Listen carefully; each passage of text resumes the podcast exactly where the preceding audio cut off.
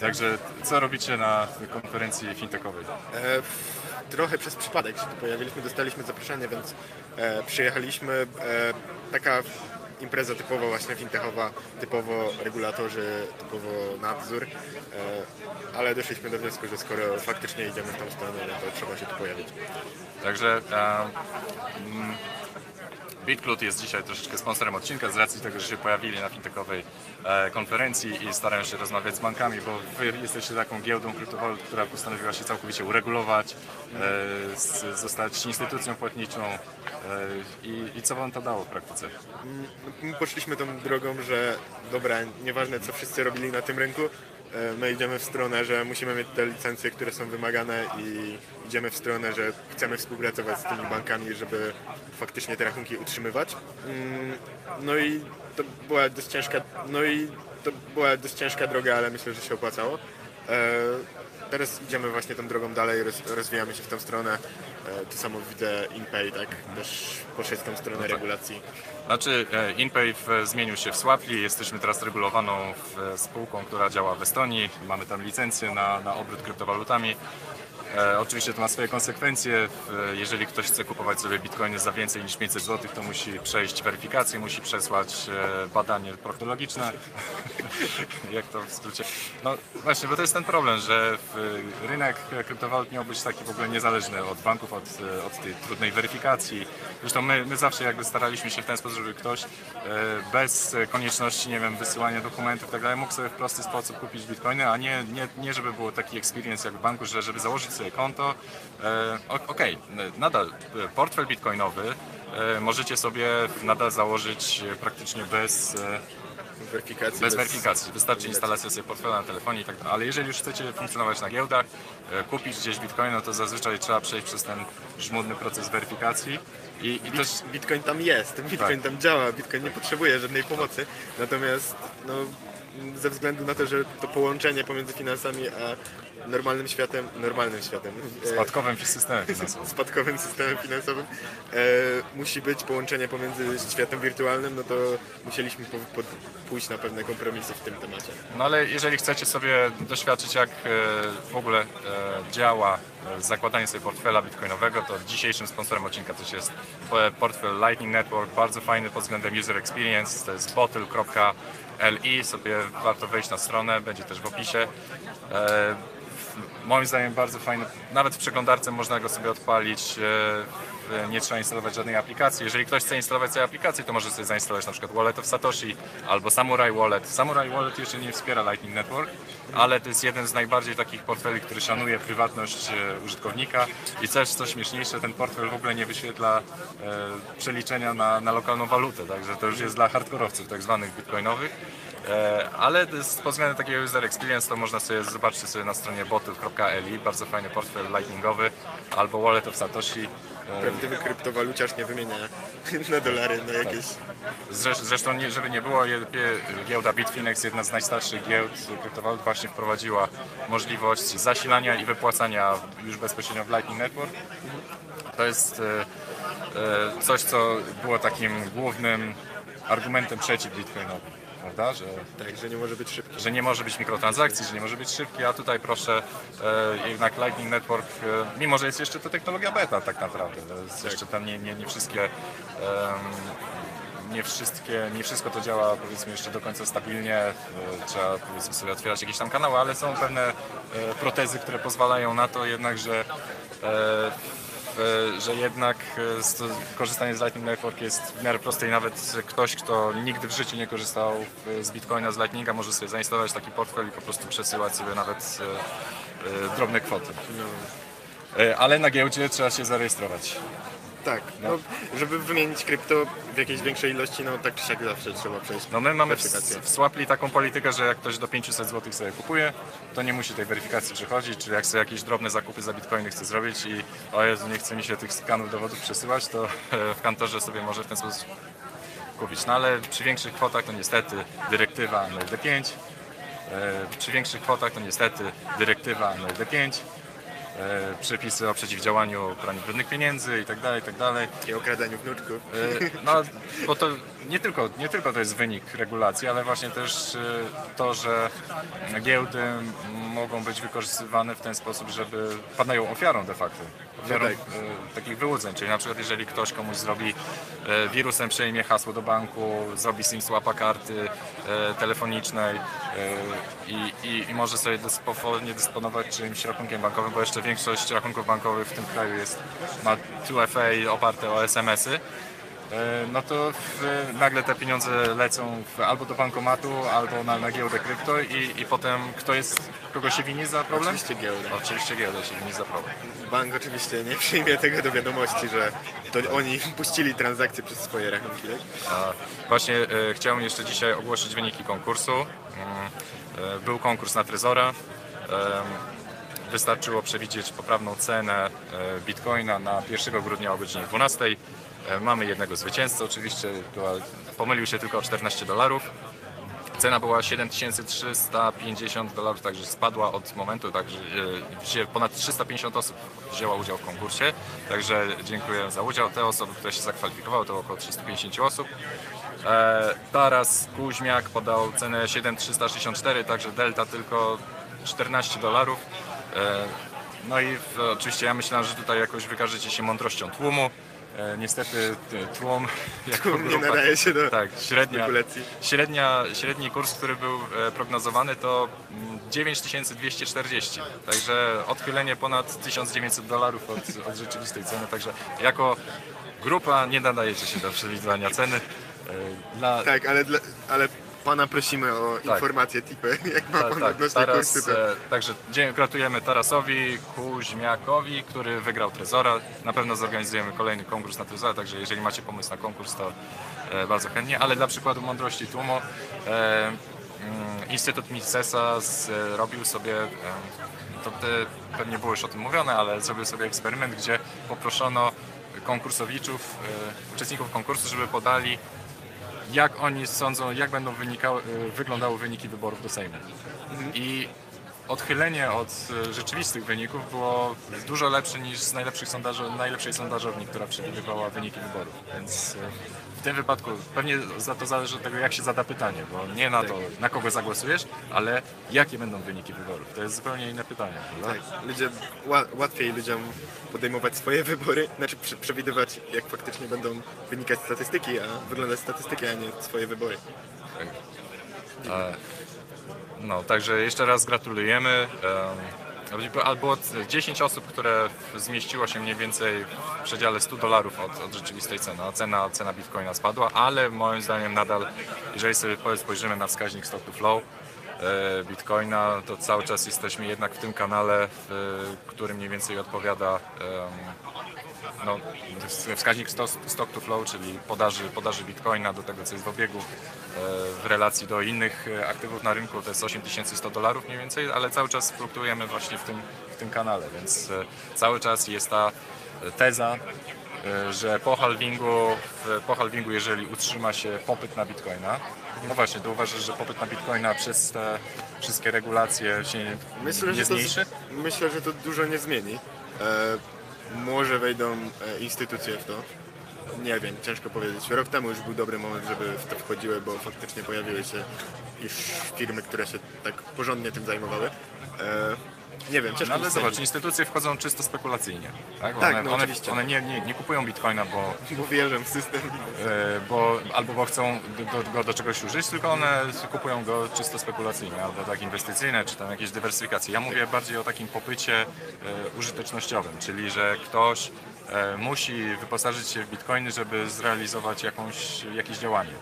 Na przykład, żeby zapłacić za dostęp do jakiegoś serwisu, żeby kupić sobie jakiś towar, który jest dostępny tylko za bitcoin. Ja mówię o takim popycie.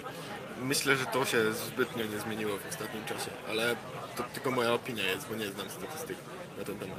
I też ciężko wydobyć takie statystyki. No, po części. e, Ty jesteś gatewayem Tak. płatności, więc pewnie wiesz. Wiesz co, to no, y, pod względem, ja tutaj wierzę w siłę deplatformizacji.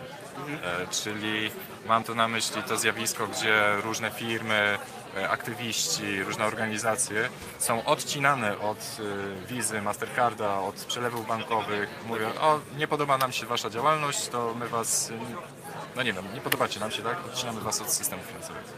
Przykładem jest Wenezuela, tak? I to, że faktycznie rozmawiałem przedwczoraj z Wenezuelczykiem na temat tego, że faktycznie zaczęli używać tam bitcoina. To w ogóle się zdziwiłem, bo pierwszy raz miałem też kontakt z taką osobą. No, faktycznie zaczęli używać do jakichś wyman. Na, nadal używają bardziej dolara niż e, boliwarów. No, ja tu mam na myśli takie organizacje no, aktywistów, albo na przykład, nie wiem, ostatnio jakaś organizacja w Hongkongu została odcięta, konta bankowe zostały Tak. zamknięte i została de facto zmuszona do tego, żeby jedyną, jedyną formą e, pieniądza, jaką mogą otrzymywać, to są wkłady w krypto. No, ale to, to też ta deplatformizacja jeszcze bardziej spycha kryptowaluty bitcoina przede wszystkim w taką stronę, no nie wiem, nazwijmy to czarnego rynku, e, takiego To niekoniecznie jest czarny rynek, czasami to są też legalne instytucje i legalne firmy, które działają. Po prostu zostały przez w jak- w jakiś sposób rząd może mm, nie wiem dekryminalizowane, sk- skryminalizowane, tak? W jakiś sposób Wikileaks myślę, że jest dobrym tutaj przykładem. No to był taki pierwszy przykład deplatformizacji. tak, który, któremu wypowiedziano rachunki, wypowiedziano PayPala z tego co kojarzę i przesiadli się na, przesiadli się na Bitcoina. Ale i, i też e, kolejnym, e, kolejnym takim motorem popytowym no to jest kwestia inflacji. Myślisz, że to nie wpłynie, znaczy wzrost, to, że halving odbywa się już teraz tylko na 12,5 bitcoina, nie wpłynie na to, że nie będzie tak dużego Właśnie, skoku? bo tu dochodzimy do, do tematu inflacji, który jest bardzo ciekawy. Jeżeli mówimy o inflacji bitcoina, to mówimy o tym, ile nowych bitcoinów wchodzi w obiegu. A zauważ, że jeżeli mówi się o inflacji w kontekście e, powiedzmy pieniądza fiducjarnego, nie mówi się o inflacji jako zwiększeniu podaży pieniądza, czyli na przykład wielkości pieniądza M3, o który e, z tego co ja sprawdziłem, to jest mniej więcej 10% w ciągu roku przybywa tak naprawdę e, wielkości tego pieniądza, który jest w obiegu. E, W całym, w całym obiegu, w kredytach w, i tak tak na rachunkach bankowych, wszędzie. A o inflacji w przypadku pieniądza fiducjarnego mówi się tylko i wyłącznie o koszyku inflacyjnym. Czyli powiedzmy, e, właśnie to jest fajna ciekawostka. e, Też sobie postanowiłem sprawdzić, prześledzić, w jaki sposób e, obliczany jest ten koszyk inflacyjny. I wyobraźcie sobie, jest e, 30, bierze się 30 tysięcy osób i robi się im badania ankietowe na podstawie tego, co kupują w sklepach i ile wydają. Nie? I zauważ, że to, te produkty, które oni wpisują, no one się liczą do tego koszyka inflacyjnego, ale w takim koszyku inflacyjnym nie ma produktów, z których ci ludzie zrezygnowali. Z powodu tego, że, ceny wzrosły. Tak. Y, Że na przykład y, postanowili kupować tańsze produkty, bo, w- bo na przykład. Jakiś- aut luksusowych, które nie, nie znajdują się teraz Zresztą tak. Czy nieruchomości są w, w wskaźniku inflacji? Nie. Czy e, ceny kursów akcji są na wskaźniku inflacji? Nie. No, oczywiście wie, wiele osób się na pewno zgodzi z tym, że bardzo dużo tego nowego pieniądza, który trafia do obiegu, tego e, taniego pieniądza, który jest e, emitowany e, przez bank centralny czy, czy pożyczany na niską stopę procentową, trafia gdzie? Akcje, w akcje. w różne spółki, w mieszkania. No, Tak, no tak. Prze, teraz przede wszystkim w mieszkania i w akcje, prawda? Czyli w rynek finansowy. E, I, I tutaj... nie branie tego pod uwagę. No. I, I bardzo często e, też nie, nie tyle, mnie na przykład nie obchodzi sam wskaźnik inflacji, ale też struktura tego, gdzie płynie ten nowy pieniądz. Stru, struktura dystrybucji tego nowego pieniądza. Bo zauważ, kto dostaje nowy pieniądz najczęściej, kto, kto ma możliwość zaciągnięcia taniego kredytu. E, No, ludzie, którzy już mają inwestycje, którzy już mają kapitał. Więc, Tak, tak. więc nie tylko mówimy o takim, zresztą właśnie każdy e, bank centralny ma w swoim e, statucie, no, czy nawet w ustawie, w ustawie NBP jest dbanie o stabilność cen. To jest ustawa z 97 roku.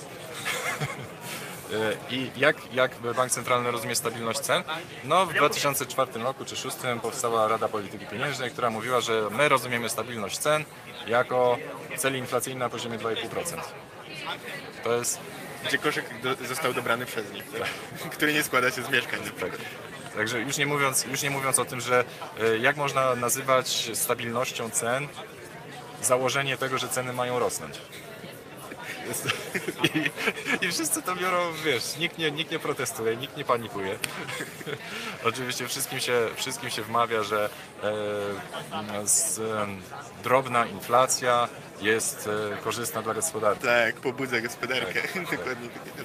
Jest e, oczywiście i każdy, każdy na, na, bierze to za dobrą monetę, to jest jako taka prawda objawiona, taki dogmat e, ekonomiczny, że e, mała inflacja jest korzystna dla gospodarki, bo, bo jeżeli i, i nawet sam bank centralny u siebie na stronie, to Europejski Bank Centralny e, u siebie na stronie pisze, e, że e, co prawda ceny komputerów spadają, e, ale gdyby ceny tapczanów spadały, to by ludzie odwlekali w czasie zakup cza- tapczanów. I to by, było, to by było złe dla gospodarki. Także, ale już nie mówię o tym, że ktoś musi kupić dzisiaj benzynę, ktoś musi dzisiaj kupić pieluchy i tak dalej, prawda? Więc No nie, takie rzeczy są podejrzewam w koszyku, ale no, już to nie. No i teraz e, pyta, wiele osób na, na przykład kwestionuje mm, w ogóle zjawisko e, no, zwiększonej podaży pieniądza jako wpływające na, na poziom, poziom inflacji. No patrzcie, tyle nowego pieniądza zostało wprowadzonego na rynek, a, a ceny tak bardzo nie wzrosły. Nie?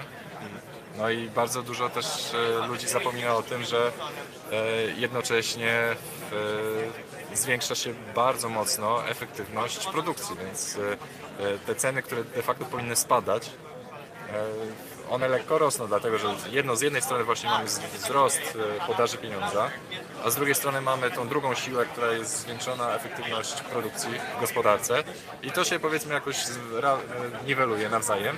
No i na koniec zostajemy właśnie z tym wskaźnikiem inflacji 2,5%, ale też on jest e, powiedzmy jakoś tam e, wybiórczo liczony. Tak są tak żeby pasował. nie wiem, czy, czy się zgadzacie, e, zgadzacie z tą tezą e, dotyczącą właśnie liczenia. No właśnie, no i te 2,5% to jest e, wszystkie banki centralne, rządy zakładają, że to jest poziom, e, poziom gdzie ludzi jeszcze nie boli. Nie? Że, że oni będą dalej powiedzmy biegać w tym kołowrotku, e, będą w, co prawda będą bardziej efektywni, ale, ale jeszcze się zgodzą na ten powolny wzrost cen. Tak, to stymuluje gospodarkę. Tak. Tak. Także jeszcze sobie e, właśnie a propos, a propos predykcji cen e, e, mamy taki e, odnośnie tego modelu stock to flow, e, który sobie wcześniej omawialiśmy. No to jeżeli sobie spojrzymy na mm, średnie odchylenie od tego poziomu, to z biegiem lat ono się znacząco zmniejsza. E, Także im większa jest kapitalizacja rynku bitcoina, e, tym, tym to odchylenie od tego wskaźnika stock to flow jest, jest coraz mniejsze. Na wszystkich rynkach chyba finansowych tak jest. Także to, to nadal jest tylko 200 miliardów dolarów, jeśli chodzi o, o bitcoina. E, I mm, ja się bardzo często spotykam też z, z takimi komentarzami, że e, jesteśmy w- naganiaczami na, no, na bitcoinie. Wiem. jesteś naganiacz, Ja, ja, ja naganiacz? słyszałem, że na, zachęcali do kredytu. E, Nie no, owszem, no, tylko w odpowiednim momencie. Ja Jeżeli, nigdy nie zachęcam jeżeli- do kredytów e, słuchaj, na, w na, przypadku czegokolwiek, jakiejkolwiek inwestycji, nigdy. no to jest, o właśnie, to możemy się pokłócić, bo e, To jeżeli, moje po prostu tak, prywatne podejście do tego. jeżeli, jeżeli możesz e, zaciągnąć kredyt na niskie oprocentowanie, jeżeli masz dostęp do taniego pieniądza i w, e, nie inwestujesz e, powiedzmy w bitcoiny w momencie, kiedy jest ten efekt FOMO, kiedy cena jest najwyższa, tylko właśnie wtedy, kiedy jest taka, można powiedzieć, marazm na rynku, no to moim zdaniem strategia poprzez wzięcie kredytu jest, jest dużo lepsza niż używanie swoich własnych oszczędności. Problemem jest to, i musisz dodatkowo też brać pod uwagę inne aspekty, takie jak to, że czy gospodarka jest stabilna, tak? Stopa kredytu, jak dobrze wiesz, nie wygląda tak kolorowo, że masz ustalony z góry procent, który będziesz płacił co roku, E, No każdego tak, roku. ale to samo dotyczy nieruchomości. Ludzie e, bez problemu e, biorą kredyt na nieruchomości na powiedzmy na dzisiejszym oprocentowaniu i akceptują fakt, że, e, że to oprocentowanie no, może wzrosnąć. Oczywiście nikt tego nie bierze pod uwagę. Nie, przecież banki centralne nigdy nie podwyższą stóp procentowych. E, Co, że, co zresztą, ja się mogę nawet zgodzić z tą tezą, że e, banki centralne są w pewnym zagonione w róg, jeśli chodzi o stopy procentowe. Że muszą rosnąć, No właśnie moim zdaniem, że, muszą maleć. że weź, no, jeżeli teraz banki centralne sprowadzają ujemne stopy procentowe, E, No to tu wy- dochodzi już do absurdów w pewnych e, momentach, kiedy kapitał tak No to- naprawdę parzy, co nie? No to w momencie- czyli, czyli w, tym, w tym momencie bardziej opłaca Ci się wziąć kredyt, jeżeli, trzymać jeżeli on ma niskie oprocentowanie, poni, na przykład poniżej wskaźnika inflacji nawet, niż e, trzymać oszczędności.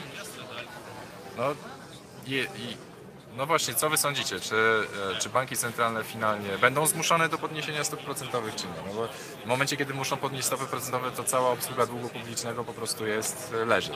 Momentalnie. Tak. W sensie no tak, jakikolwiek gospodarka by tego nie uciągnęła, tak? Więc on, banki centralne są zaciągnięte po prostu w kozi róg, jeśli chodzi o stopy procentowe. I, i raczej szybko nie, niekoniecznie się można spodziewać tego, że e, podwyższą stopy procentowe. E, także w, mm, to dzisiaj wszystko w, w tym odcinku. Jeżeli masz, chciałbyś coś e, powiedzieć jeszcze. Właśnie, bo nie powiedziałeś, dlaczego ktoś miałby korzystać e, z, BitCluda. z BitCluda dzisiaj? Myślę, że myślę, że to, że mamy instant depozyty, natychmiastowe depozyty, to jest jedna z tych rzeczy. I wypłaty?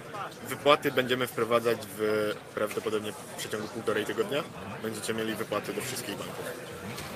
A jeszcze wspominałeś, że, e, że wychodzicie na rynek europejski również. Tak, dokładnie. Dlatego też tutaj jesteśmy, bo aktualnie jesteśmy na Impakcie, jakby ktoś nie, nie słyszał. E, spotykamy się tutaj trochę z regulatorami, próbujemy coś się dowiedzieć. E, I próbujemy się dowiedzieć, jak wygląda ogólnie w Europie regulacja. Aktualnie jesteśmy w procesie legislacyjnym w paru równocześnie krajach. E, I zobaczymy, jak to wyjdzie. E, cz- Czekamy tak naprawdę do, na decyzję. Może to być lada dzień, lada miesiąc, nie wiadomo. Okej. Myślę, że będzie o tym słychać jeszcze w całej Europie. O, Nie mogę znaleźć tej jakoś. Cześć, Także mamy tutaj... zapraszamy na live'a, jest czwartek, na live'a. czwartek z Bitcoin, ale mieliśmy byłego regulatora, e, byłego szefa fintech w Ganefie, także dzisiaj, dzisiaj akurat e, będzie miał swoją prelekcję na temat tego. Fajny temat, jak stokenizować akcje spółki akcyjnej. To jest okay. mały, przepraszam, prostej spółki akcyjnej, bo okazuje się e, taka zajawka mała. E, od e, w marca wchodzą proste spółki akcyjne. Będzie można sobie założyć za 1 zł e, spółkę akcyjną w Polsce. E, I uwaga, akcje takiej spółki będą mogły być przechowywane na blockchainie, ale uwaga, będzie musiała być zaufana trzecia strona w postaci notariusza, który będzie stemplował y, zmiany Jakby cały- to- cały ten pomysł, który był, tak? Taka bastardyzacja kompletna. Tak, był, był- pomysł cały zrobienia wszystkiego, tokenizacji przez Tak. systemy i tak dalej. Nawet ust, ustawę już pod to napisano i dopisano notariusze. tak. Więc e, niby miało być na blockchainie w sposób zdecentralizowany, ale nie, notariusz musi być, musi pie, pieczątka być notariusza, także notariusz będzie wchodził na blockchaina i będzie, będzie stemplował. E, i, ale, ale prawnicy ponoć mają pomysł, jak te problemy ominąć i jak rzeczywiście sprawić, żeby można było z prostej spółki akcyjnej zrobić zdecentralizowaną, autonomiczną organizację, tak zwane DAO. E, także dzisiaj chętnie o tym posłuchamy na pewno. Dość ciekawe regulacje w tej kwestii wychodzą. Mam wrażenie, że możemy być pierwszym. No, Polska jest Jednym z pierwszych tak, pionierem. Europie. Tak, pionierem, dokładnie. Zdziwiłem się, ale tak naprawdę te ustawy faktycznie wychodzą w przyszłym roku. Myślę, że jak się poprawi tę ustawę troszeczkę, jakąś tam poprawkę się wprowadzi, żeby to urzeczywistnić, e, czy urealnić ten, ten proces e, tokenizacji z prostej spółki akcyjnej, to może rzeczywiście być fajne zastosowanie. Ja- tam jednej rzeczy, która właśnie mnie tam jeszcze najbardziej zabolała, to to, że e, akcje takiej prostej spółki akcyjnej nie będzie można wprowadzać do zorganizowanego obrotu. Także jak ktoś sobie myśli, że będzie robił giełdę, giełdę akcji takich prostych spółek akcyjnych, to może zapomnieć, ba nawet z takimi akcjami nie można pójść na rynek regulowany. E, nie możesz pójść na e, New Connect, nie możesz pójść na, na GPW z takimi akcjami, więc to też jest taki troszeczkę No, jest to zbyt- było robione z myślą o startupach, e, które chcą sobie pozyskiwać inwestorów, żeby tam sobie wprowadzić te wszystkie mechanizmy dotyczące Mo- Można to traktować jako sandbox trochę tak pod, Tak. pod tego typu temat. No bo to jeszcze nie jest, wydaje mi się, I- końcowa. Dla tych, co myślą, że będą robić skamy na, na prostych spółkach akcyjnych, to od razu uprzedzam, jest odpowiedzialność zarządu w prostej pół- spółce akcyjnej. się przygotowałeś. Nie no, właśnie e, i też jest potencjał o tym, żeby dostarczać oprogramowanie dla notariuszy, którzy będą, st- stempelek dla notariuszy, którzy będą na Elektronicznie tak, tak, będą e, migrować e, akcje spółek akcyjnych. Także, No nic, powiem także zapraszamy na BitCloud, zapraszamy na Swapli. E, na Swapli można sobie do 500 zł kupić bitcoiny, tak przysłowie we 500 plus. Teraz można instant duże kwoty wymienić. tak. To tyle. Także do zobaczenia i do zobaczenia za tydzień w czwartku z Bitcoinem. Cześć. Cześć.